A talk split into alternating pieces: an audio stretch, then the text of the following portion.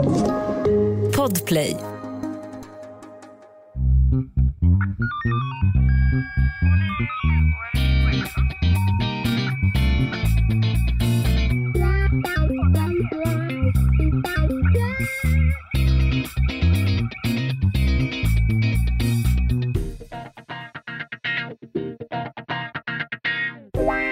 Välkomna till krimpoddarnas krimpodd över min döda kropp med mig, Anna Jinghede och Lena Ljungdahl. Lena Benet Ljungdahl. Men alltså, tror du inte att man satt på akuten igår? Jo, jo, jo, det tror jag. Det tror jag verkligen du gjorde. Men vill du höra en sak, Anna? Gärna. Jag var alltså på akuten, eh, eh, jag blev inskriven, jag blev undersökt, massa eh, undersökningar, väntade, väntrummet, massa folk i väntrummet, det var ikväll och så vidare. Och sen gick jag hem.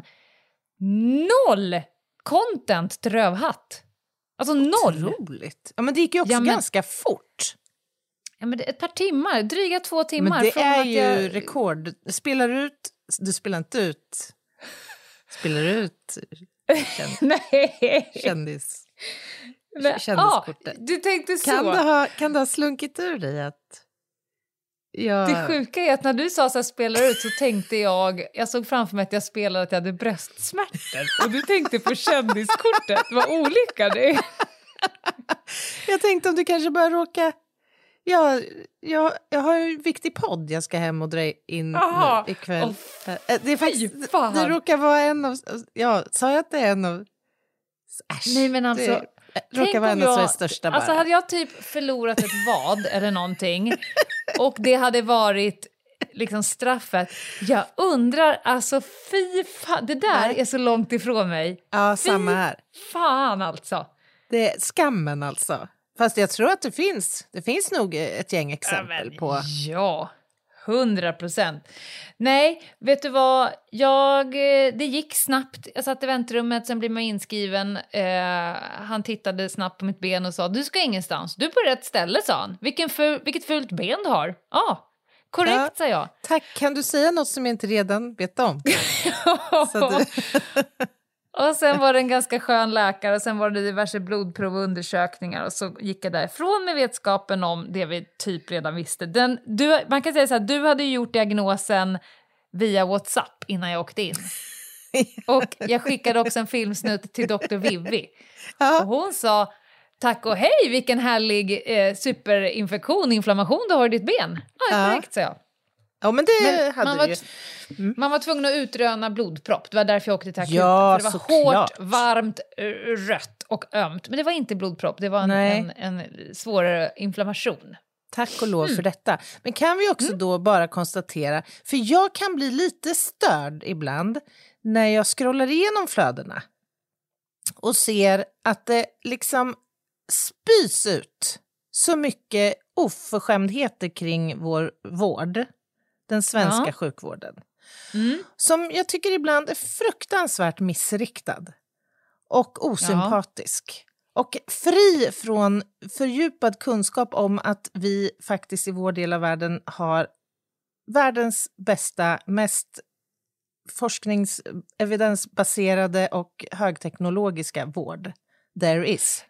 Ja, ja, alltså att jag själv är förvånad att jag inte har content till rövhattar, det har ju att göra med att det finns andra människor där. Det har väldigt sällan att göra med själva eh, vården Nej. i sig, utan Mm. det är ju böset som sitter i... i Jaha, du menar så. Ja. Ja. Ja, ja.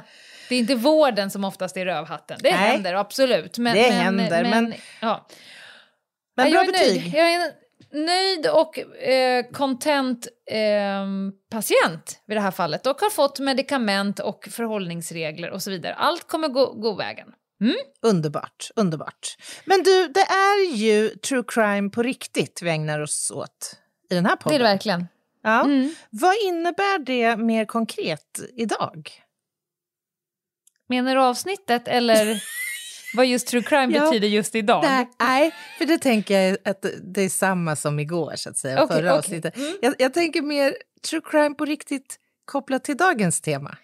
Vad, Men vad, idag vad bjuder du på? kan, kanske att vi ska testa ett litet nytt grepp idag. Lite nytt och fräscht i podden. Oj, spännande. Vi, ja, men jag har valt ett ämne och vi kan kalla det knark, narkotika. är det nytt? Jag skrev till dig häromdagen så här, jag är sugen på att köra lite knark nu igen. Och då mm. förstod ju du att det handlade om ett, ett poddämne och inte att jag ville börja hårsa. Absolut. Eh, mm. men, men, och sen så, eh, jag är ju medlem i SNPF och det är mm. ju Svenska narkotikapolisföreningen.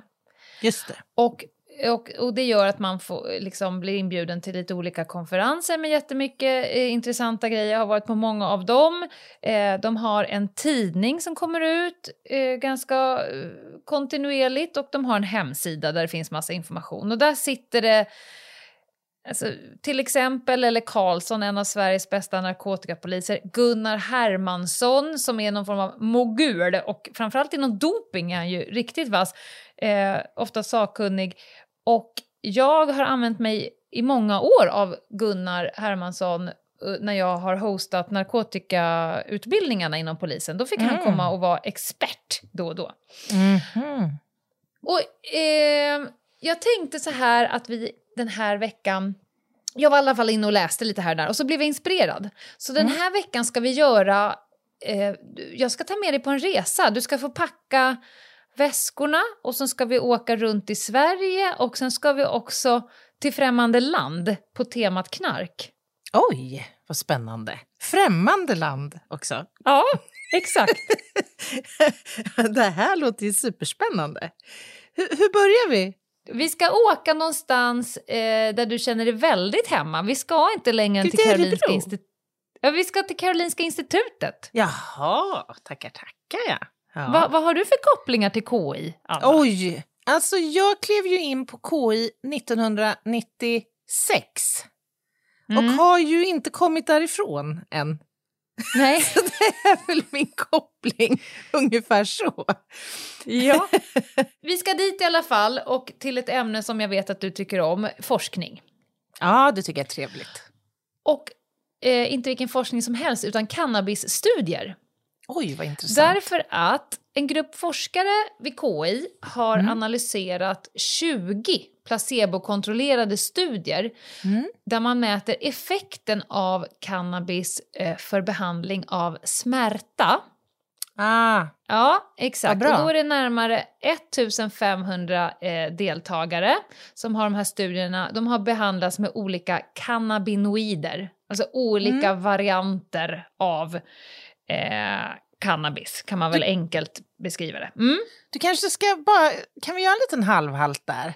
För du, du gav en liten ytlig redogörelse för vad det kan vara, men, men är det fråga om olika varianter av THC-halt eller är det, pratar vi olika delar av eh, cannabis sativa? Eller vad menar vi när vi pratar cannabinoider? Ja, det finns ju en, en uppsjö olika typer av cannabinoider. Du kan tänka dig olika typer av mil, eh, molekylära uppsättningar mm -hmm, av mm -hmm eh, saker som kommer från cannabis. Och cannabis är ju en växt. Vi har ju ett helt avsnitt om cannabis sativa, den där växten som eh, väcker så mycket känslor och eh, är uppe för diskussion både när det kommer till legalisering men också för medicinsk användning, CBD-oljor och så vidare. Det här kommer vi garanterat komma in på igen, mm. Mm. såklart.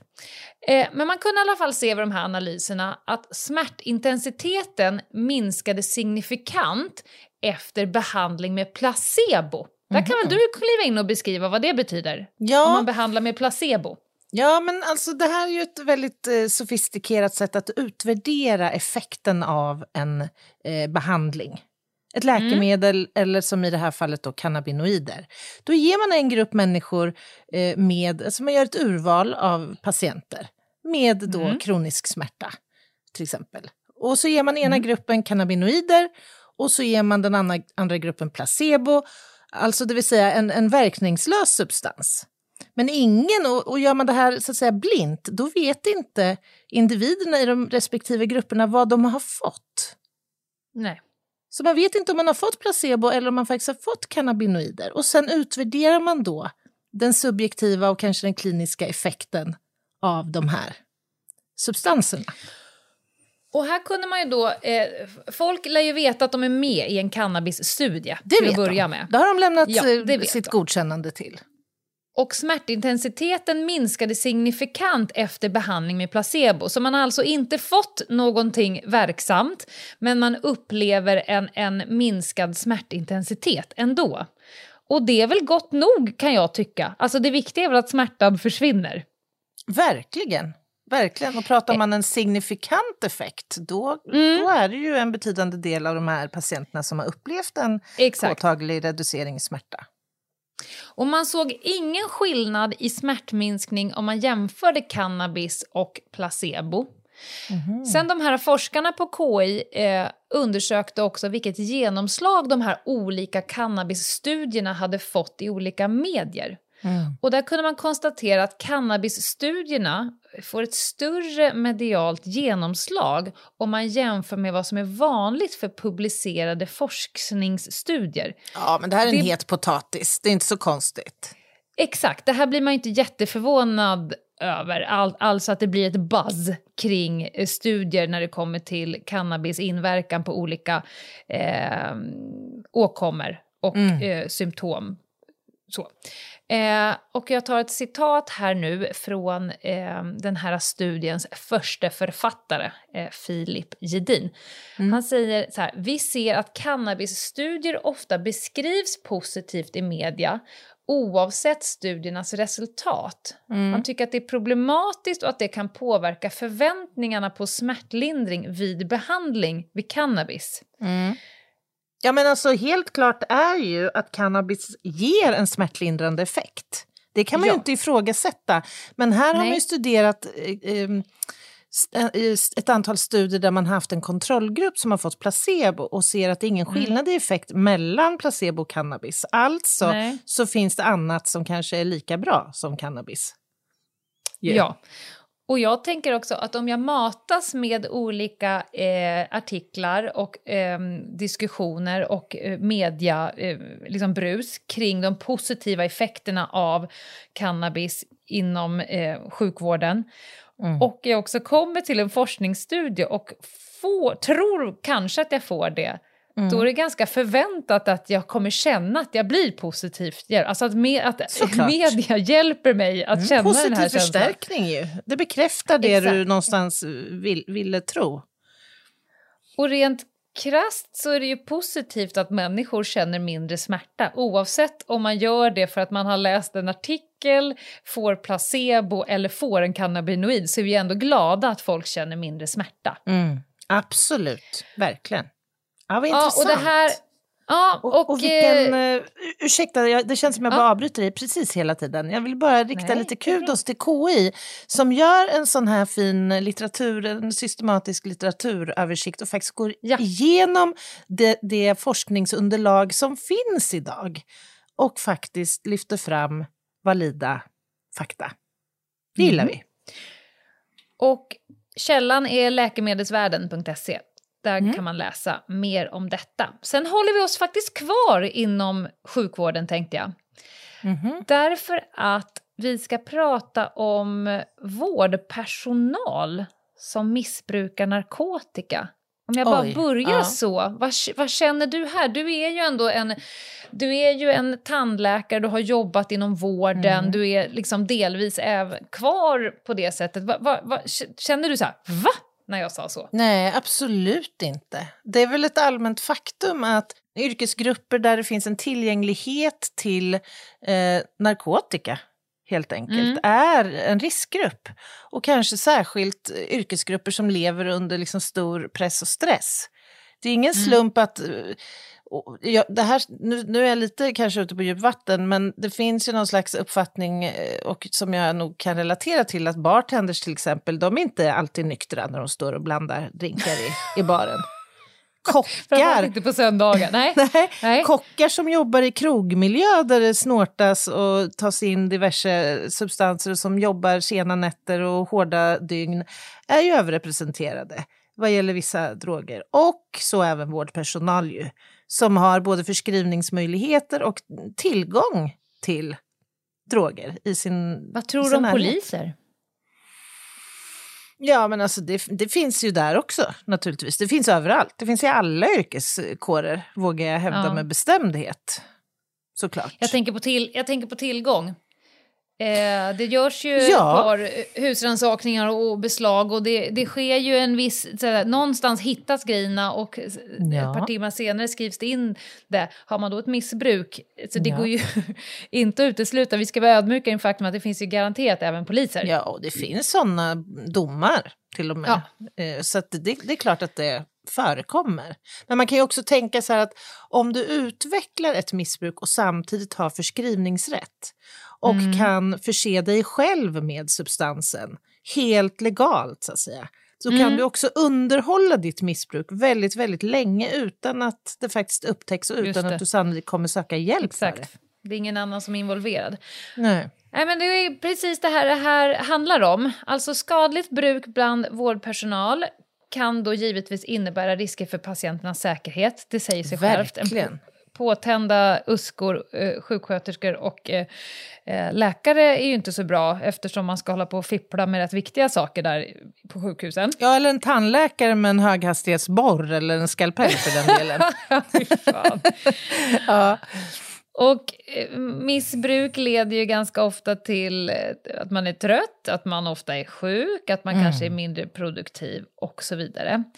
Och Institutet för miljömedicin, återigen på KI, mm -hmm. svarar för ett stort projekt som ska undersöka utbredning, karaktär och omfattning av skadligt bruk av alkohol, droger Oj. och läkemedel hos hälso och sjukvårdspersonal.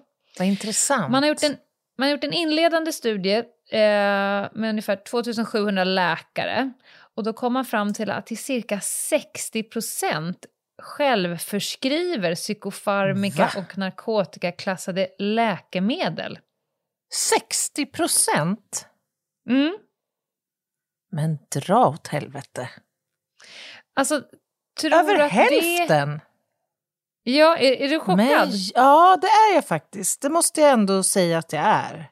Eh, att det är så pass många. Och det är ändå ganska, eh, en ganska stor population, eller studiegrupp, 2700 läkare. Men, men kan man tänka sig att, eh, jag bara resonerar här nu, om du hade varit en läkare, du har inget missbruk, men mm. just nu är du inne i en period av sömnsvårigheter därför att du har gjort massa nattpass mm. och sen så mm. behöver du få tag på Solpidem. Går du till en annan läkare då? Eller skriver du ut det själv? Det är nog lite en liksom samvetsfråga. Sån... Alltså ja. så här, du får ju förskriva till dig själv. Alltså det är inga konstigheter så långt. Även om det också finns bestämmelser kring hur mycket och allt det där. Eh, ja. Och den främsta bestämmelsen, eh, eller vad man ska kalla det, det är ju att all förskrivning ska ju ske baserat på en indikation. Du ska ha en strikt ja. indikation för att förskriva ett visst preparat. Och det är klart att där är det ju lite av, alltså beroende på vilken doktor du träffar så kan det finnas olika erfarenhet, kunskap och eh, uppfattning om vilket preparat som bäst skulle hjälpa den här kollegan eller patienten. för den delen. Men om du bara träffar dig själv? Ja, då kanske det är lättare att liksom ta the easy way out, så att säga. Mm. Att förskriva det där som kommer underlätta för stunden, men som också ökar risk för eh, missbruk, eller riskbruk. Faktiskt. Medan du pratade, jag var tvungen, eftersom du blev så chockad, var jag tvungen att kolla upp siffran. Jo, det är faktiskt den siffran. Ja, jag, ja, jag, jag måste säga att jag, jag trodde faktiskt inte att det var så Nej. otroligt utbrett och så vanligt. Faktiskt. Eh, och, och mm. de säger att det är ett vanligt scenario att man använder droger, alkohol och mediciner för att man i grund och botten har en, psykisk, eh, en dålig psykisk hälsa. Har man det inom vården? Ja, men alltså, jag tror att vi, vi har ju en pressad vård i mm. Sverige, så är det ju. Det är ingen hemlighet och jag tror att det finns ett stort undertal bland vårdpersonal eh, vad rör psykisk ohälsa. Eh, I många, många år så har till exempel tandläkarkåren varit en yrkesgrupp som har lett självmordsstatistiken bland yrkeskårer och yrkesgrupper. Och det har man ju mm. funderat på, vad beror detta på? Det är inte så att de exponeras för, liksom för trauman dagarna i ända. Även Nej. om det kan vara ett trauma att gå till jobbet och ha en hel dag av rotfyllningar framför sig. Men det är en annan en annan historia. Men där har man ju funderat på, kan det handla om stora krav vad gäller intäkt? Pressade behandlingstider, extremt fysiskt utmattande jobb och det är liksom faktorer som kan knytas till många andra vårddiscipliner också såklart.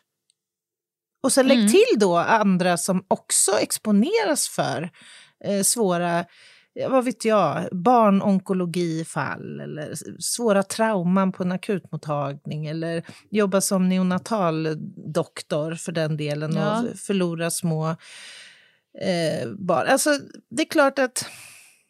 Ja, alltså, Fick du inte... kontinuerlig avlastning som tandläkare? Nej, nej, nej, nej. Nej, nej det, alltså there is no such thing. Alltså. Okay.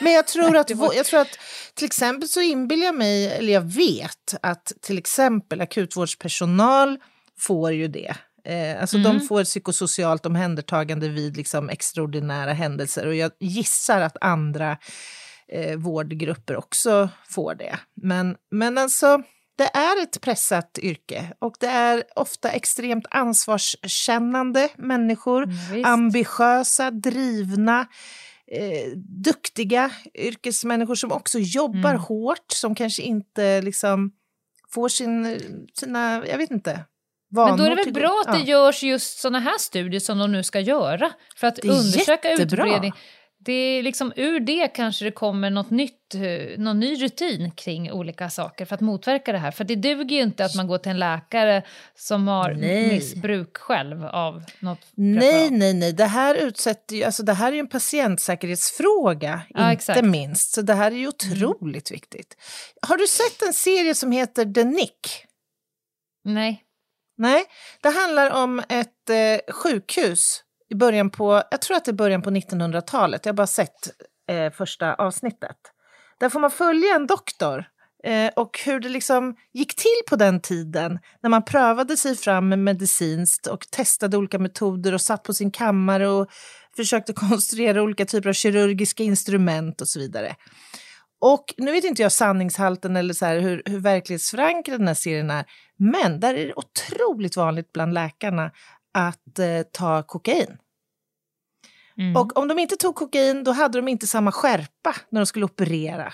och sådär. Men vi vet Vakenhet, ju alla... Ja. ja. precis. Men vi vet ju vad som följer av ett kokainbruk. Ja. Liksom. Du behöver ha skärpa även i andra situationer. Du kan ju inte gå och liksom mm. snorta kokain eller injicera hela dagarna i enda opiater. Nej. Eller andra preparat. Ja. Ja, Vill ni läsa mer om det här så hittar ni det i Dagens Medicin. Nu, Anna, så ska vi faktiskt lämna den trygga miljön, vården och gå på en paus. Och när vi kommer tillbaka så ska vi till tullen. Ett poddtips från Podplay. I fallen jag aldrig glömmer djupdyker Hasse Aro i arbetet bakom några av Sveriges mest uppseendeväckande brottsutredningar går vi in med hemlig telefonavlyssning och, och då upplever vi att vi får en total förändring av hans beteende. Vad är det som händer nu? Vem är det som läcker? Och så säger han att jag är kriminell, jag har varit kriminell i hela mitt liv men att mörda ett barn, där går min gräns. Nya säsongen av Fallen jag aldrig glömmer på Podplay. Välkomna tillbaka! Ni lyssnar på Över min döda kropp. Det är avsnitt 300 något tre kanske, fyra. stabilt, stabilt är det. Och idag så får vi, skulle man kunna kalla det här avsnittet för knarknytt? För det är lite av det. Är lite ja. av det. Vi är ute på en resa. Till skillnad från det Hasse Aro håller på med, Golnytt. Just det, just det. Ja. Lena eh, har tagit med oss ut på en resa och eh, i, i liksom knarknyheternas eh, universum. Ja, och nu ska vi in i Malmö, Anna. Oj! Ja, jag gör mig redo. Nej, men tullen eh, stoppade en långtradare som hade kommit till hamnen i Malmö. Mm -hmm. Chauffören eh, uppträdde märkligt var för de här tullinspektörerna, eh, ja, då, det är då man gör sin kontroll. Alltså de gör mm. ju en okuläris, de eh, profilerar och håller på. De ska kontrollera då det här eh, fordonet eh, noga. Stopp! De, Ja, du, ja, du slänger ja. dig med begrepp. Mm -hmm. Du måste tänka på att vi kanske har nytillkomna lyssnare. Oh, Beskriv Tullen, det är alltså ett ställe... det... inte, det var inte det. Nej, beskriv Nej. vad du menar med profilera. Jaha, profilering är en arbetsmetod som är någon form av urskiljningsprocess som man jobbar med när man har att göra med människor. När man, för att om man står i tullen eller är en polis på gatan så, så, så möter man ju väldigt mycket människor, väldigt mycket bilar. Och någonstans behöver man ju eh, så att säga sålla ut vilka man vill eh, rikta mer fokus mot och inte. Då lite beroende på vad man söker efter. Till exempel om jag skulle profilera utan, eh, om jag vill ta rattfyllor lördag morgon. Ja, då kommer jag då med min kunskap och profilering ställa mig eh, utanför Systembolaget. För där vet jag att där kommer dagen efter släntrarna eh, och sådär. Eh, letar jag efter förstagångsbrukare cannabis, ja då kommer jag kanske röra mig mot en av de lite mer kända parkerna i Stockholm. Det är liksom att profilera profilera ut. Det beror lite på vad man behöver ha kunskap om eh, modus, preparat, eh, tillvägagångssätt och så vidare. Var det en bra Snyggt. beskrivning? Anna? Jag är jätte, ja. jättenöjd. Okay. Tackar. Här letar de uppenbarligen efter saker som man inte får ta till Sverige eh, via då den här färjan som den här bilen har kommit med. De öppnar i alla fall sidolådorna på trilen Mm -hmm. där, där eh, lastpallar brukar förvaras. Och då upptäckte man att de här träpallarna var avsågade. Och bakom mm. lastpallarna låg eh, väskor och påsar och bråte. Mm. Och de innehöll stora mängder narkotika. Och sen så mm. analyserar man det här och då visar det sig att det bestod, alltså att det var nästan 20 kilo kokain, Oj. 93 kilo amfetamin och Jäklar. fem kilo ketamin. Mm -hmm. Och ketamin kan jag tala om för, det är ett potent sate. Eh, man brukar säga att om du har tagit ett par feltrippar på LSD eh, mm. så kan du kanske våga närmare ketamin. Men se då till att ha en ledsagare första gången så att du inte, eh, inte vet jag, får för att du kan flyga eller något. Alltså jag är ganska säker på att jag har fått ketamin. Oj, tackar, tackar. Ja. Ja, och det var ja. när jag hade då den här så kallade spondylodiskiten, alltså en, en infektion med massa var inne i ryggmärgskanalen. Och det gjorde Otroligt. att ja, minsta lilla rörelse i någon riktning ja. framkallade en sån sagolik smärta. Alltså, så att det fanns inget morfin i världen som liksom tog på det här. Och mm. då inför en operation, jag hade så fruktansvärt ont, sa du ska få, vi ska ge dig något väldigt potent. Mm. Och det var faktiskt det sjukaste jag har varit med om. För det var som att... att det, det var nog ungefär som att kliva in genom pärleporten. Rent. Ja. Alltså, det var det ja. sjukaste jag På ja. två sekunder så var all smärta borta. Nu kan jag kan ligga här i två timmar och vänta på kirurgen, det är inga problem. Nu kan jag spela Fia med knuff, gör vad, vad, ni vill. Tänk inte på mig, jag har det toppen här. Oh. Du låter exakt som min man eh, berättade. Han låg ju på Briva, alltså brännskadeintensivvårdsavdelningen, mm. länge. I know. Och han, han har ju berättat hur det kom in en läkare och bara, typ en kväll och bara, du, nu ska du få vila från smärtan en oh, stund. Fy vad hemskt, usch. Och sen så gick han ut och han bara, färgerna, när explosion, blommor och det var liksom... Woo! Så, det ja, alltså, är... Har man upplevt rätt tid, det här, rätt plats. Ja. ja mm. och, och, har man upplevt liksom det här så, så blir man också ödmjuk inför riskerna med att långtidsbehandlas med eh, opoider ja. till exempel. Därför att man förstår hur jävla lätt det är att trilla dit. Oh. faktiskt. Men du, det måste ja. ha varit värt en slant där. 20 kilo kola? Ja. Eh, de fick ihop det, eh, skrapa ihop det till 38 miljoner eh, kronor. Chauffören, han hade ingen aning om att det fanns narkotika i sidolådorna på hans nej, trailer. Nej. 58 år och han eh, dömde honom för synnerligen grov narkotikasmuggling och fick för detta sju års fängelse och tack och adjöss utvisning. Otroligt alltså. Källa Tullverket. Ja, alltså, det är ju, alltså jag undrar hur man funkar då som chaufför när man...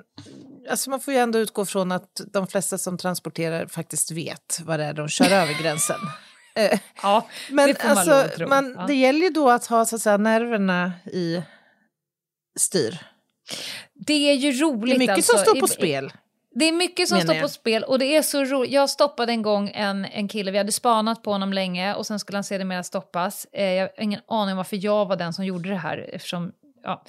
Eh, I alla fall, och då visste vi ju var han kom ifrån och att det fanns massa knark där. Jag visste också att han hade nycklarna på sig eftersom vi hade sett han låsa lägenheten. Och det är så roligt när en människas hjärna och kropp motarbetar varandra. När jag säger så här, du, eh, har du någonting i fickan? Alltså, liksom, nej, så här säger jag. Det är som ett barn. Jag säger så här, var är nyckeln? Säger jag. Var har du nyckeln till lägenheten? Var på hans höger ben börjar leva ett helt eget liv. Alltså höger ben där då nyckeln låg i, Ja, i liksom benfickan. Det benet börjar liksom skaka helt, bara så, så, totalt stört Mm. skaka. Jag bara, varför skakar ditt ben jättemycket? Och han, du vet, han tittar ner på sin egen lekamen med en besvikelse om att du, fan you blow it man, Ja, till sitt precis. eget ben. Det är jävla tjallare. ja, nej, det är tragiskt. Alltså det här är otroligt äh, tragiskt på så många sätt. Ja, Men är det också, fan vad fint att den här fastnade i tullfiltret. Mm. För det här hade kunnat göra stor skada ute på gator. Exakt, och de kan ju såklart inte ta alla och vissa klarar det ju, annars hade de inte valt den här vägen in om inte vissa eh, så. Men heja tullen, kör för fan. Bra. Nu ska vi någonstans där du verkligen känner dig hemma, Anna. Jaha, Vi tennishallen. ska till... Nej, vi Nej. ska rätt in till obduktionsbritsen på Rättsmedicinalverket. Aha, berätta mer, berätta mer. RMV redovisar varje år statistik över de vanligaste läkemedel eller drogerna då, då som antingen ensamt eller i kombination med andra substanser bedöms ha varit bidragande till att personer avlidit. De, de för väl någon form av statistik av Ja. deras eh, screenings, alltså vad som fanns i de här döda kropparna när de obducerat dem. Ja, men dels så finns ju dödsorsaksstatistiken som redovisas Mm. varje år, men sen så har ju RMV egen statistik också. Där kemin, alltså toxiska analyser till exempel redovisas. Och nu har jag då kikat lite på eh, sammanställningen för år 2021 och eh, det årets obduktionsärenden. Och då visar det sig att det totala antalet förgiftningsdödsfall, ska vi ta en liten inbromsning? Vad är ett förgiftningsdödsfall, Anna? Ja, det är ju egentligen alla dödsfall som är relaterade till någon form av eh, drog eller gift eller medel, kemisk substans som kan orsaka döden. Ja, och då har det minskat från 781 stycken år 2020 till 723 stycken 2021. Och eh, dödsfallen där heroin har bedömts orsakat dödsfallet minskade från 95 till 67 samma år. Några tankar kring detta? Minskning? Är det en alltså, pandemieffekt? Dels så hörde jag häromdagen att, att antalet obduktioner faktiskt har ökat igen, vilket ju är bra, för det har ju, de har ju minskat under ganska många år. Eh, jag Varför är det bra? Är det fler som har dött? Därför att vi har ju större förmåga då att upptäcka ma- mord till exempel. Ja. Vi vill ju obducera dem där det är oklarheter såklart. Eh, så att man får väl ta hänsyn till eh, en eventuell förändring i obduktionsfrekvens under samma tidsperiod. Men det jag reagerar på det är att heroindödsfallen eh, har minskat så pass. Mm. Därför att jag upplever att heroinbruket, i alla fall i den del av landet som jag bor i, eh, faktiskt ökar. Bergslagen. Mm. Ja, så sent som igår så hörde jag från ett litet lokalpolisområde, eh, nämligen Hallsberg, att där är det vanligare att ta heroin i beslag nu än cannabis. Man stöter på mycket mer Oj! heroin än cannabis i den här lilla orten. Så man var ute i radio och pratade om det här. Eh, och jag känner också Nej, men till... va? Ja, ja, det är För sant. det är ju cannabis, amfetamin, kokain Mm, och sen vet, kommer ju jag opiaterna. Jag vet Jaha. också från andra källor, bland annat från sjukvården, att det finns viss oro kring att heroinbruket eh, har ökat och särskilt intoxerna, Mm. överdoserna och att det smyger sig ner i åldrar. Alltså vi har ju haft mycket liksom ful heroin om man säger så, alltså Oxy mm. piller, tramadol, oxycontin, ja. oxynorm och så vidare. Det känner vi till eh, är ganska vanligt tyvärr ute på, på mm. gatan. Eh, men att Alltså, om statistiken stämmer så är det såklart väldigt positivt. Heroin är ju så otroligt potent och så lätt ja. att överdosera. Ja. Så att, men, men det förvånar mig lite att det har minskat så pass mycket. Men då ska man komma ihåg att det här är på nationell basis också. Så det kan ja, fortfarande finnas eh, geografiska skillnader. Och de har också kikat på vilka som är de vanligaste läkemedlen eh, vid förgiftning med dödlig utgång. Och då är det Oxycodon och Buprenorfin. Ja. Och sen har vi en topp 10-lista och eh, några av dem som ligger på den är Alprazolam, Tramadol, Sopiklon och Pregabalin. Det vet inte jag ja. vad det är. Ja, men det vet jag. Det är ju gabapentin, det är ju ursprungligen epilepsiläkemedel men som, är, men som idag ges på andra indikationer som till exempel kronisk smärta, depression och andra tillstånd. Okay. Jag hittade, mm. jag, jag snabbgooglade här bara för skojs skull. Eh, heroinet tar över småstäderna vanligare än cannabis. För, för, ett, för ett år sedan var det ytterst sällan polisen i Hallsberg kom i kontakt med heroin. Numera är det vardag. Antalet heroinbeslag har ökat och det har gått fort. Mängden heroin på de mindre orterna förvånar polisen då det vanligtvis är en storstadsdrog. Nu finns oron att trenden även ska nå Örebro. Ja, men det här är... Ja, Hmm. Ja, det är väl en utveckling vi får följa då. Verkligen. En, en vanlig dödsfall på heroin är att man har eh, jobbat upp en, en, en nivå som, man, som kroppen tolererar och behöver för att uppleva eh, så, så att säga, samma rus. Mm. Och sen så har man då en en avkylningsperiod som brukar vara att man har suttit inne på anstalt eller eh, avgiftning eller i, no, av någon anledning. Och sen när man går på det igen så tar man samma dos som man tog sist och då har kroppen eh, inte riktigt hunnit med. Därför att då klarar man inte av samma nivåer. Och om det är väldigt många Just nya det. människor nu som ska börja med heroin, om man får tolka det så, eh, så är det ju oroväckande hur RMV-siffror kommer se ut för nästa år. Ja, faktiskt. Får man säga så? Ja, och det jag reagerar på, du eh, nämnde Buprenorfin, det är mm. väl Subutex va? Mm. Eh, och det är ju ett preparat som används för eh, heroinavvänjning. Alltså ja. som substitut Vård, till ja, heroin. Exakt. Ja. Mm. Och eh, om den här sammanställningen visar att buprenorfin är van, ett av de vanligaste läkemedlen vid förgiftning med dödlig utgång så är det också otroligt illavarslande för det innebär ju att många tar Subutex okontrollerat, det vill ja. säga inte inom vård nej, nej. missbruksvård det, eller beroendevård. Efter att ha jobbat på ungdomssektionen på, på länskrim, eller nuvarande Region Stockholm, alltså Klassiken var eh, unga tjejer som rymde från LVU-boenden mm. och mm. sk skrapade runt på gator och torg och så tog man dem till eh, vård och pisseprov och det var nästan uteslutande Subutex alltså. De petade oh. i sig heroin i tablettform. Helt ja. sjukt. Nåväl. Ja. Nu, nu, ska vi, nu ska vi spela fotboll, Anna. Jaha, vad kul. Mm. Vi ska till Qatar. Jaha, typiskt. ja, det blir inte så mycket fotboll. Det blir mer knark faktiskt. Jaha. Man hade räknat med, när det var fotbolls-VM i Qatar, vilket intresserade mig till absolut 0 procent, mm, eftersom ja, det, det är ju orimligt tråkigt att titta på. Men mm. man hade i alla fall räknat med över en miljon fotbollsentusiaster som skulle då eh, fladdra in och ut i den lilla Gulfstaten inför denna mm. då, eh, fotbollsturnering. Yeah. Och inför detta hade man eh, installerat nya och känsligare scanners på flygplatsen. Mm. Därför okay. att Qatar själva har ju en enormt strikt lagstiftning gällande innehav mot droger och till det kopplat väldigt höga och hårda straff. Mm. Och då visste man att eh, i, andra delar av världen, västerländska stater, så, så, ser man lite lindrigare på det här. Och framförallt eh, eh, ja, men bensodiazepiner till exempel. Mm, mm. Och då pratar vi ju tabletter mot oro, ångest, sömnsvårigheter och så vidare. Mm. Eh, har i alla fall eh, dragit in de här scannersarna på flygplatsen. Eh, och då var det ju då eh, flygplats sjukvårdspersonalen som blev misstänkt eh, uppmärksammade via de här skannerserna och därmed undersökte lite mer noga en av resenärernas bagage.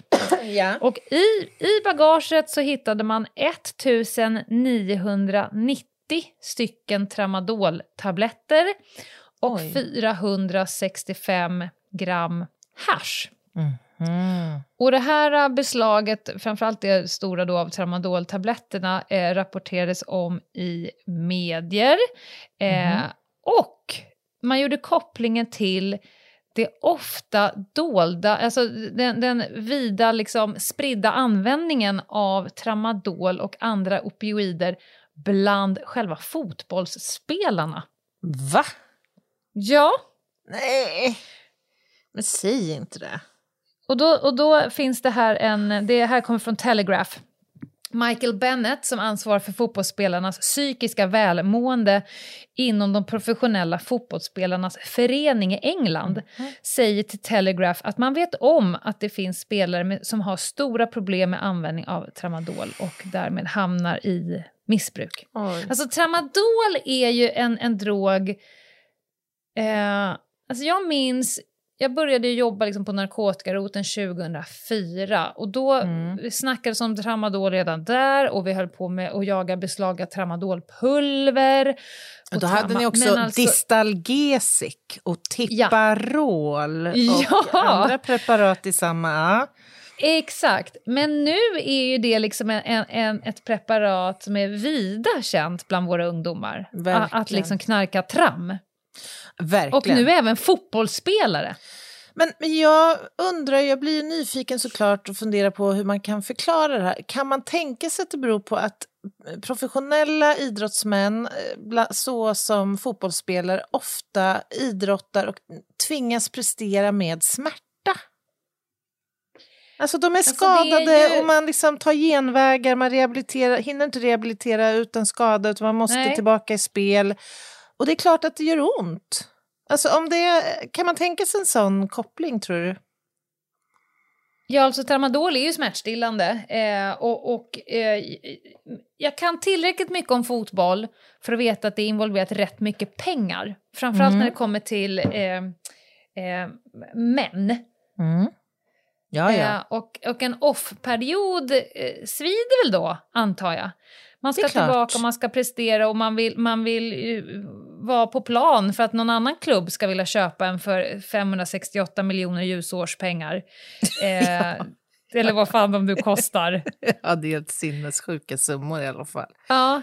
Så, Ja. jag, jag tänker på amerikansk fotboll, det är ju för sig stängda ligor som ägs av privatpersoner. Det, det är fan, för att de, de kan ju typ bryta benet på måndagen och spela match på onsdagen. Ja, men det är det jag Eh, menar alltså. Det, det är De här ju, yrkeskarriärerna är ju förhållandevis Ja. korta. De har ju så att säga Just inte det, råd att vara Nej. skadad och borta från spel. Kan man tänka sig. nej. Nej, vilken Ja, läs mer i, otroligt i tråkig... Telegraph. Ja, det där, det där var trist, tycker jag att höra. Men nu blir det kul. Jaha, Eller? ja, det vet inte jag. En gammal bekant till dig kommer tillbaka. Jaha. Men, Jag vill mig minnas att du har pratat om Colorado-flodpaddan någon gång i någon lista. En padda som har gift på ryggen. ah, jag tror jag vet vad vi ska nu. Det var när vi pratade om olika typer av rusmedel, ja. Just det. Mm. Incilus alvarius. En 15 centimeter lång padda som förekommer i sydvästra USA och i västra Mexiko. De har ju alltså någon form av sekret på ryggen, ett slem som innehåller eh, liksom hallucinogena eh, substanser. Ja, Eh, och nu kommer ju då det sjuka. Nu har ju USAs nationella eh, nationalparksmyndighet Aha. National Park Service, NPS, de har utfärdat en varning då om att det här slemmet kan vara giftigt eller till och med rusframkallande. Jag skulle vilja säga att tar man upp en groda och slickar den på ryggen då tror jag inte att en varning om att det är rusframkallande kommer hjälpa eftersom det är väl mest det troligt man är ute efter. Men Eller tror man alltså- att det ska bli en prins? Nej, men det, det, är precis i de här banorna som jag också nu sitter och, och funderar. Alltså, varning, hur... varning, slicka Nej, men... inte på paddor, du kan bli hög. Nej, men så här, hur uppdagades det här första gången? Det måste ju rimligen ha, ha handlat om att någon jävla dåre har fått för sig att slicka på paddan. Alltså den allra första som inte ja. kände till då det här fenomenet. Slickade på paddan. Hur gick snacket tror du? Åh oh, jävla Bosse, det här... Wow! Alltså, och jag, ja, man skulle vilja se det. Men det roliga här är, eller det tragiska här, är att det här, de sköter ju sig själva i fötterna här. Ja, de säger ju varning, ta inte grodan, den är rusframkallande. Denna har det här har då spridit sig och nu har det skapats ett så stort intresse att fånga paddor och slicka på dem så nu är arten utrotningshotad i nationalparkerna. Nej, men jag orkar inte. Där de Hur gick snacket verket... efteråt? Ja. Hörni, den här varningen. Den här varningen kanske... Curveball! det är ju helt episkt det här. Ja. Och då skulle jag då vilja gå oh. deras väg här nu. Så nu tänker jag vara National Park Service. Det finns ju alltså massa andra djur ni inte ska slicka på och äta på för det kan vara rusframkallande. Aha. Det finns fiskar, okay. vissa sjöstjärnor, vissa fåglar Oj. och Anna, om du någon uh. gång har tänkt på att, att slicka i dig benmärgen från en giraff Oj så ska du inte göra det, för den kan vara rusframkallande.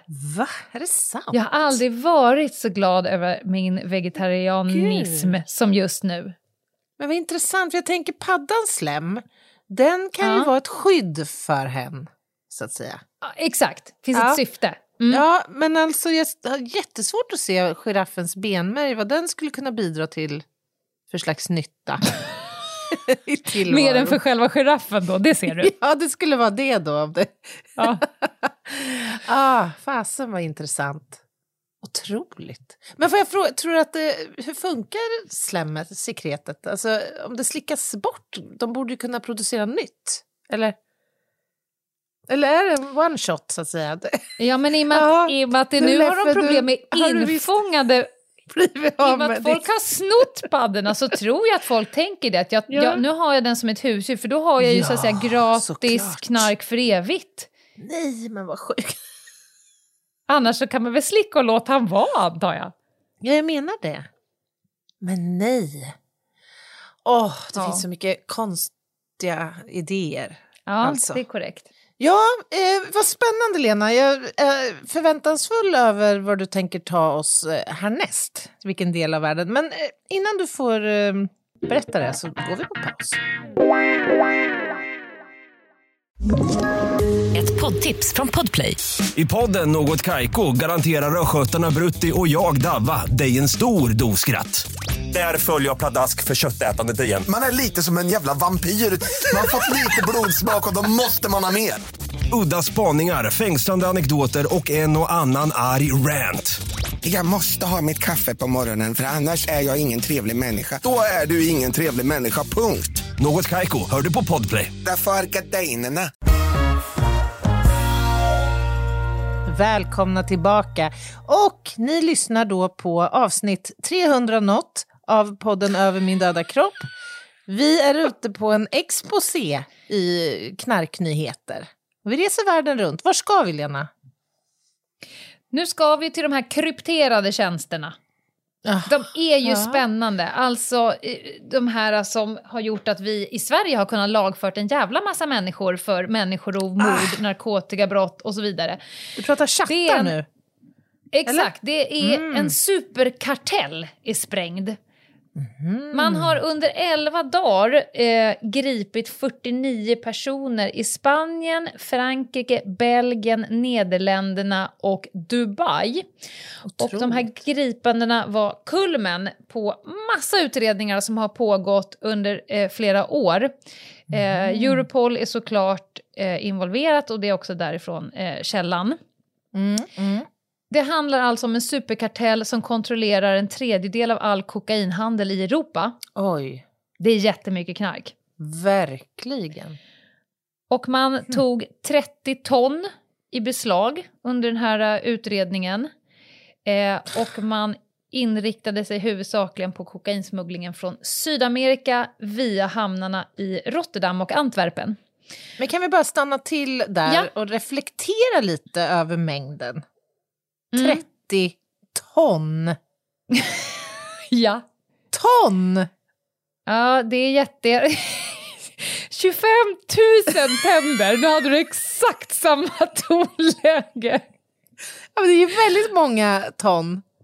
Ja, jättemånga eh, pengar också. Ja. Jätte, jättemånga pengar. Om man tänker att det säljs på gatan, i alla fall i Sverige, för någonstans tusen spänn grammet kanske. Mm. Eh, I Dubai grep man sex personer som enligt Europol eh, bedöms ha varit eh, liksom högst prioriterade.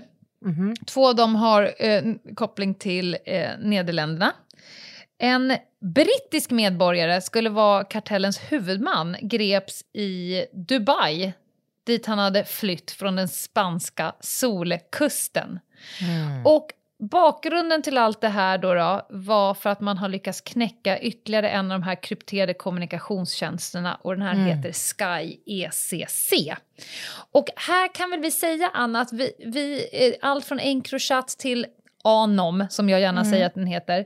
Eh, vi kommer ha ett avsnitt om eh, de krypterade chattarna kopplat till lite ärenden men också lite juridiken kring det. Eh, hur Ja, men det kommer vi. sig att svensk polis kan utreda saker som de har fått av fransk polis och så vidare. Det kommer.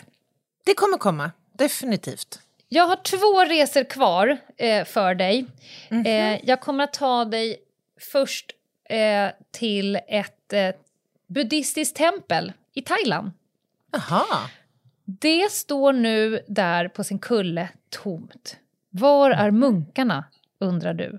Var är alla heliga män? Ja. Jo, de har tyvärr misslyckats med sina drogtester och har avstängts. För det första, visste du att man drogtestar munkar i tempel? Jag, redan Nej. där gjorde jag en liten inbromsning när jag läste det här.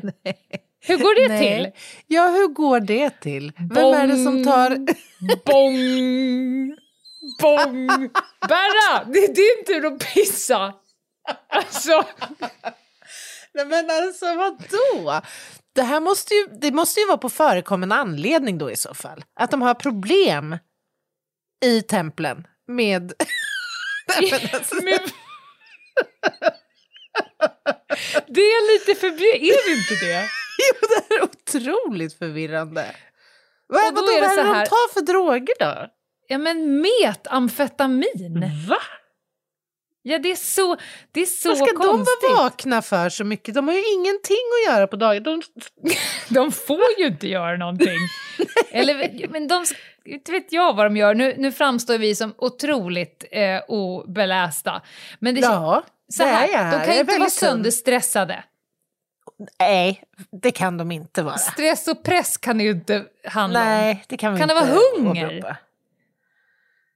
Ja, i och för sig. Det kan väl inte uteslutas. De är ju så att säga extremt självförsörjande, om man säger så. Alltså, faktum kvarstår. Det är att de pissar positivt på metamfetamin, hela jävla bunten. Så de fick stänga eh, det här templet. Så skickades de till en hälsoklinik för att de är på drogrehab. Eh, och det här, alltså, det är inte bara där det är problem, utan metamfetamin har blivit ett, ett problem i landet. Och 2021 var det högsta nivån någonsin, enligt FNs kontor för narkotikakontroll och förebyggande av brott. Eh, och landet, eh, en av orsakerna är att landet är en viktig transitpunkt för metamfetamin och då antar man att det fastnar lite där då. då. Eh, och drogerna strömmar in från Myanmar som är världens största producent av metamfetamin och så via Laos. Mm. Här ska du få en siffra. En dos kostar 13 kronor. Va? Ja. Gud. Men alltså jag kan inte låta bli att fundera på vad som är hönan och vad som är ägget här. Alltså, nej men kan man tänka sig att det är en, en stor andel narkotikamissbrukare som söker sig till templen för att bli liksom aktiva i en annan sfär än... Tror du?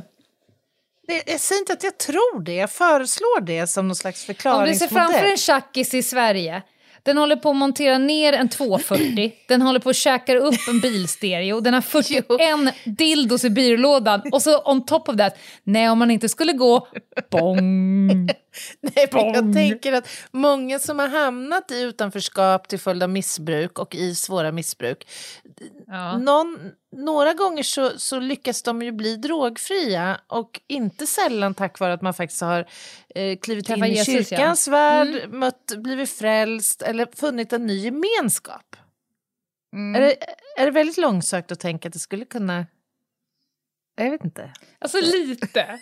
Alltså jag, jag är inte helt övertygad. Alltså jag får inte ihop munkarna med hur de hasar runt där i sina tofflor och en tjackis. Alltså det är för mig så långt ifrån.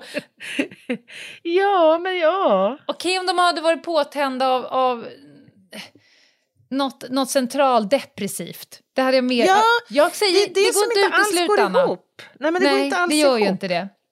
Faktiskt. Nu ska de i alla fall ny, skicka nya munkar som då är pisstestade och klara. De måste skicka upp nya munkar till templet för att byborna ska kunna utöva sina religiös, religiösa skyldigheter. Det vill säga skänka saker till templen. Ja. Det måste ju vara någon där som tar emot allt Nej, som de... Alltså. Det här är så speciellt. Ja, det är det faktiskt.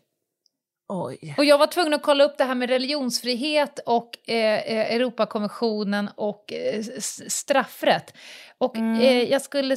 Man, man, får väldigt, väldigt svårt... Alltså religionsfriheten och utövandet av den, det är ju strikt. Det står ju i mm. regeringsformen. Mm. Men man kan faktiskt inte åberopa... Säg att man har någon religion som gör att man behöver slicka på en peyote, en kaktus. Eh, eh, som ett utövande av din religion. Så kan okay. du liksom inte... Ja, Eller? men du kan inte säga, ja nu har du, nu har du pissat positivt på knarka. Ja, ah, nej, men jag, jag tillbedde eh, kaktusguden. Kaktus... Det går liksom inte, ja, nej, det går faktiskt inte. Ifall det är någon som fick en, nej. so there is a chance. Ja, det är väl ändå rimligt, kan man ja, tycka. det är faktiskt rimligt. Mm, mm. Sista stället vi ska till, Anna, det är till Finland. Aha, nu mm. reser vi hemåt. Ja. Berätta, vad, vad händer där då? Ja, men det är lite siffror. Jag tänker ändå att det är fräscht att kunna lite om våra grannländer. Verkligen. Och du kanske inte blir super, super förvånad över att 1600 personer miste livet på grund av alkohol under 2021 i Finland. Och att det är... Eh, Både ja och nej måste jag väl ändå säga, för att siffran ja. i sig säger mig inte så mycket. Om du hade gett nej. mig också något slags jämförelsetal så att säga. Ja, du kan få Eller ett jämförelsetal och det är att det har sjunkit lite eh, sen 2020. Eh, Aha, men det är positivt då. Det är det väl. Eh, det som är mindre positivt är att fler dog av narkotika 2021 Nej. än året innan. Aha. Så det har ersatt då kan kanske... man tänka sig? Alkohol. Det kan man tänka sig. Mm. Så här mm. många har inte dött av narkotika i Finland sedan man började föra statistik över detta och det gjorde man 2006. Så det är en ganska deppig eh, siffra. Verkligen. Och det är många, många fler män än kvinnor som knarkar ihjäl mhm. sig i Finland och den som, gruppen som har ökat allra mest är de som är mellan 30 och 44 år. Mm. Och de flesta som dog av narkotika hade blandat olika narkotiska preparat. Det är ju sällan en, en framgångsfaktor, mixen. Nej, det, det är det ju verkligen inte. Och men, men, ja. opioider är, är den som är den, är den vanligaste, i mer än 70 procent. Och då pratar vi ju till exempel heroin, morfin. Mm, piller, mm. tramadol, oxy, Exakt. allt det här. Nej men alltså...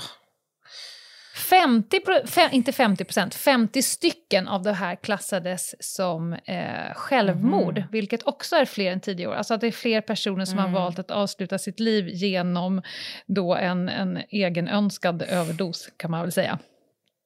Ja, usch, vad sorgligt.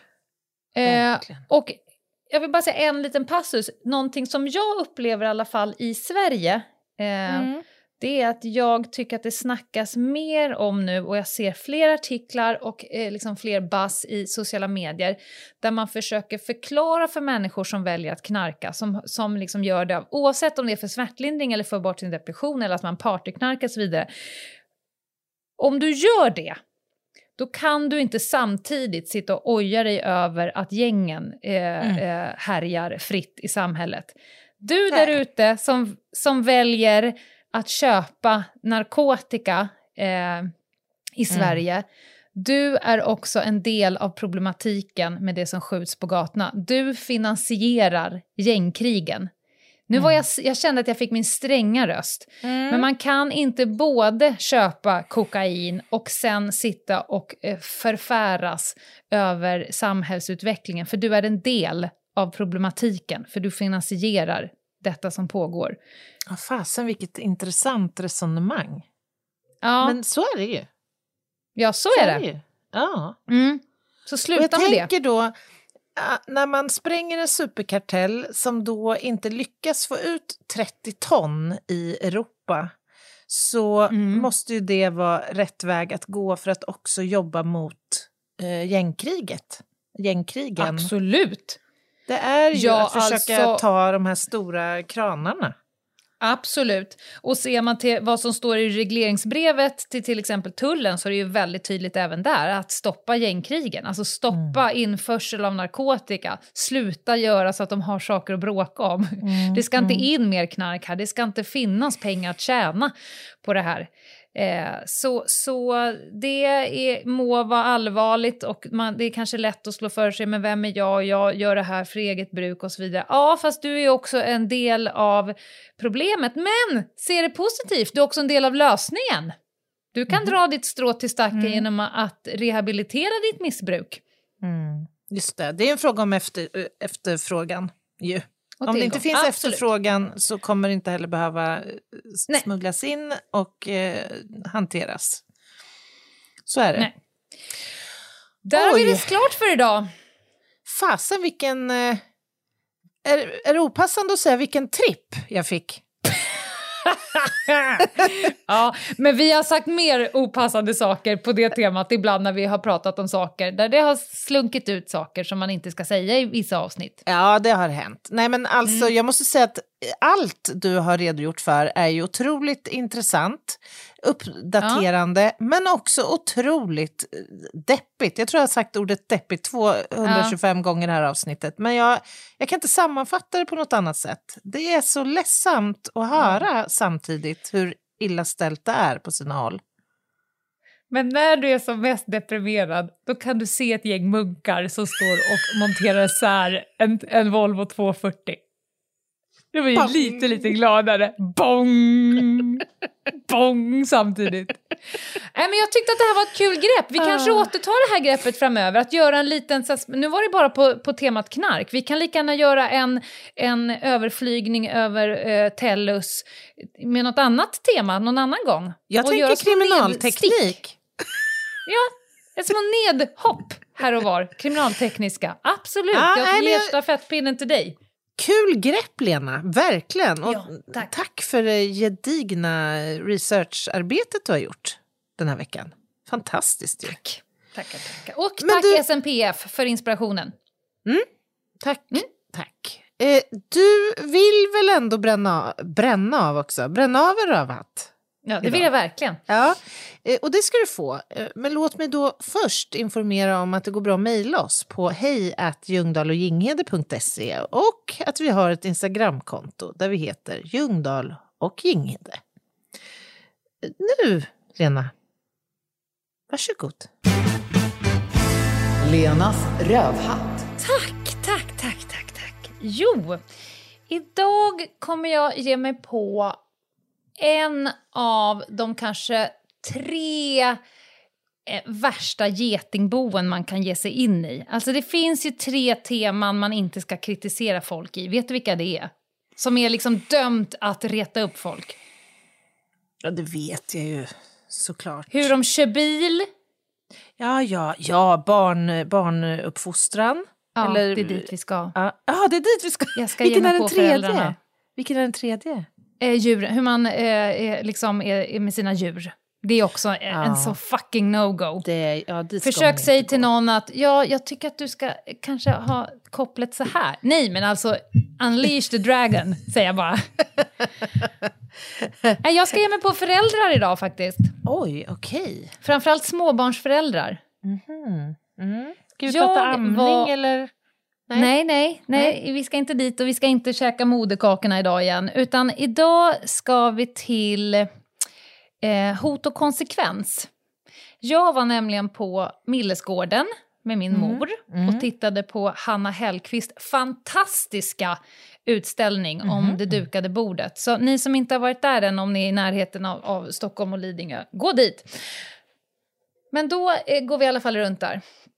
Och då kommer vi till ett av rummen, var, där har en eh, pappa, jag tror att han är farsan i alla fall, han beter sig som en typisk småbarnsfarsa, eh, som har någon form av konflikt med en liten gosse som inte vill följa med. Och jag gissar att barnet är tre, kanske.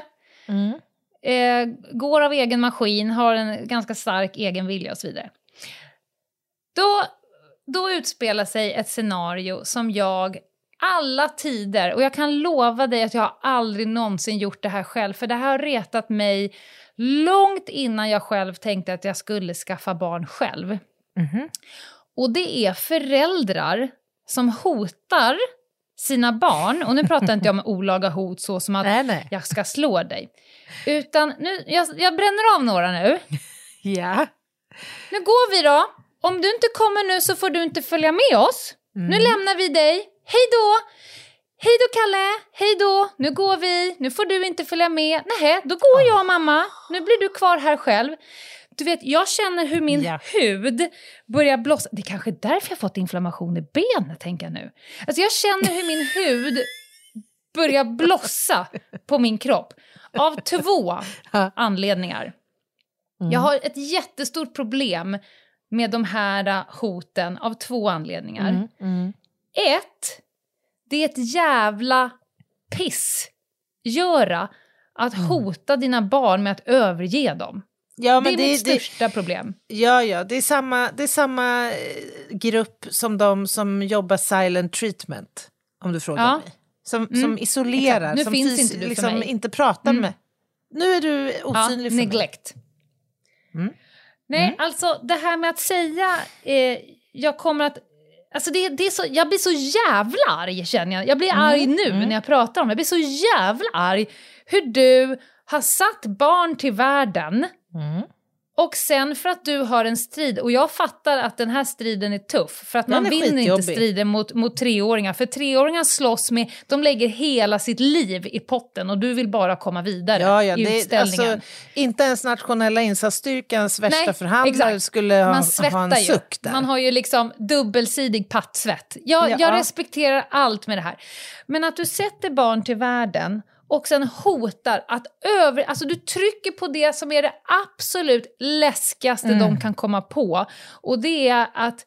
Alltså jag kan ju minnas själv att det räckte med att ung, mamma gick liksom bakom ett hörn Mm, så fick man ju liksom panik. Då ställde man sig bara och skrek. Mamma! Du vet, Ja, ja. att bli ensam. Det, Ja. man, man, man snurrar ju som, som planeter runt, ett sol, runt Mm. en sol. Eh, att då hota med, ja men då går vi nu då. Nu åker mamma och pappa. Mm. Du vet, jag vill slå den här pappan jätte, jättehårt i ansiktet med en knytnäve. Så att tänderna, så att han får liksom en fyrglugg. det är det enda jag vill.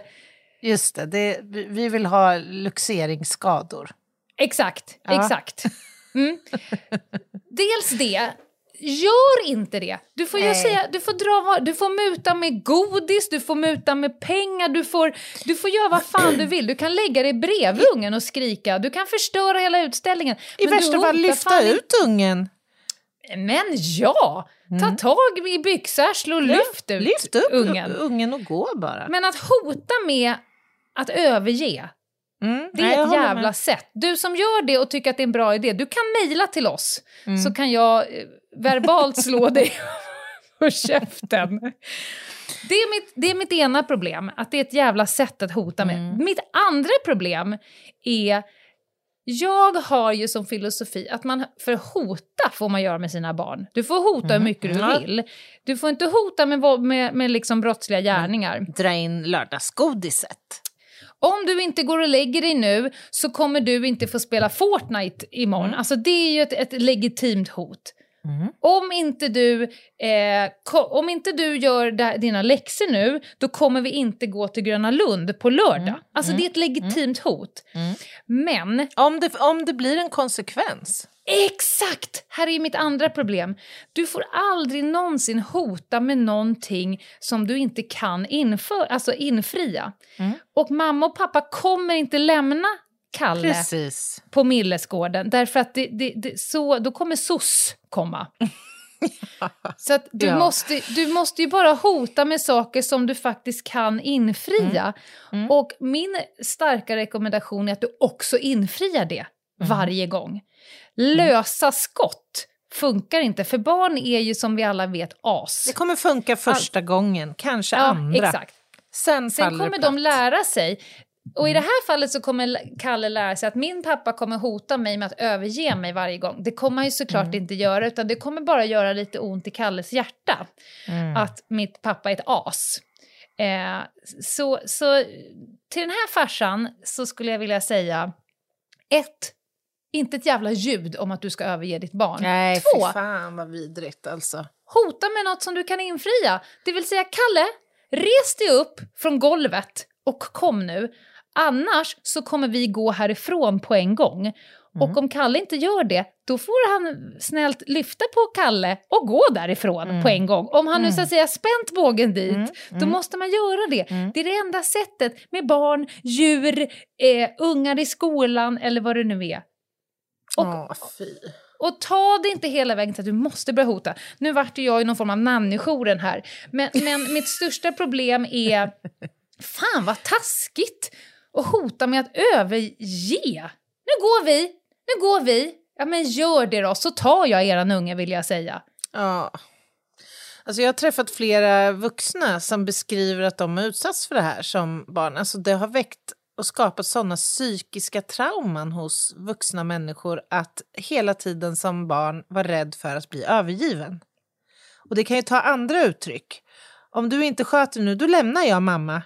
Eller så lämnar jag er och kommer aldrig mer tillbaka. Mm. Fy fan! Nej. Det här stör, jag sitter och funderar på rent juridiskt. Alltså olaga hot, eh, det är ju ett brott om du hotar med en gärning som finns med i, i, liksom, i brottsbalken, i, Mm. bland, eller i- bland våra gärningsbeskrivningar. En, en förälder, är det, ett- är det ett, nej, det är ju inte ett, ett brott att överge sina barn. Det är, det är svårt att hitta gärningsbeskrivningen.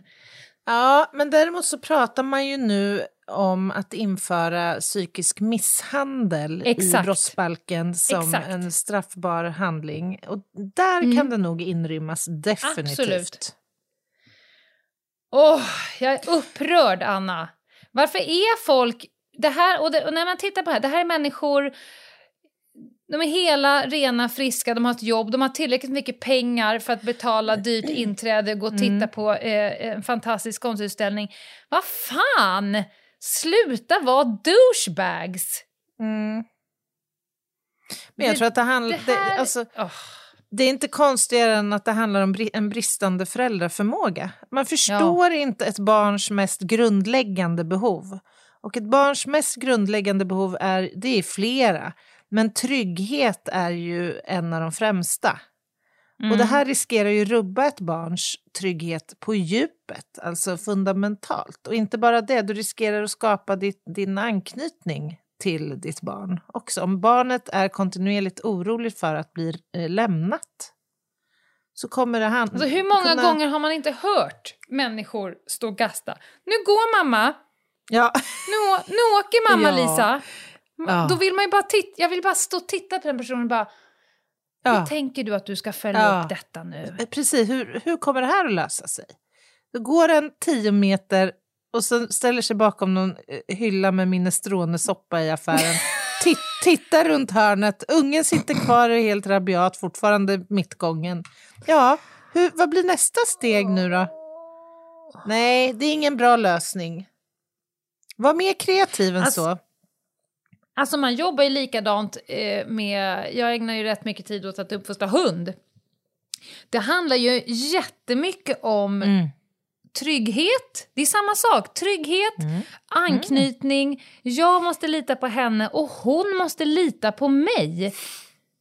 Så fort den trusten liksom bryts, då bryts ju något mer fundamentalt som tar ännu... Ja. Så, och då kommer det ju massa felbeteenden och så vidare. Så att liksom förutsägbarheten och, och den genuina liksom, tryggheten att om jag säger att jag kommer stå här, då står jag här. Då kan jag ju inte stå någon annanstans, för då blir det ju en förvirring. Nej, det var Nej. i alla fall veckans rövhatt. Bra rutet!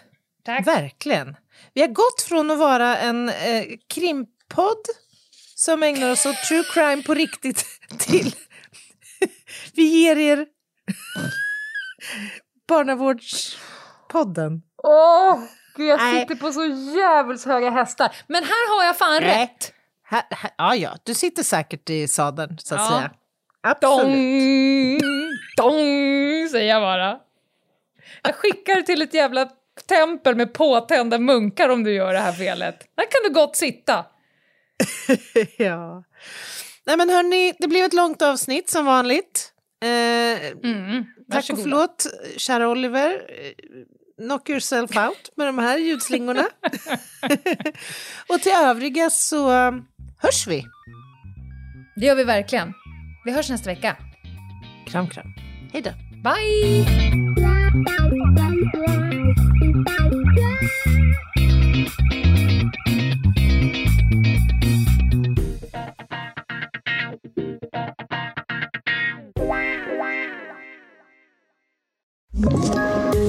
Poddtips från Podplay. I fallen jag aldrig glömmer djupdyker Hasse Aro i arbetet bakom några av Sveriges mest uppseendeväckande brottsutredningar. Går vi in med hemlig telefonavlyssning och, och då upplever vi att vi får en total förändring av hans beteende. Vad är det som händer nu? Vem är det som läcker? Och så säger han att jag är kriminell, jag har varit kriminell i hela mitt liv men att mörda ett barn, där går min gräns. Nya säsongen av Fallen jag aldrig glömmer på Podplay.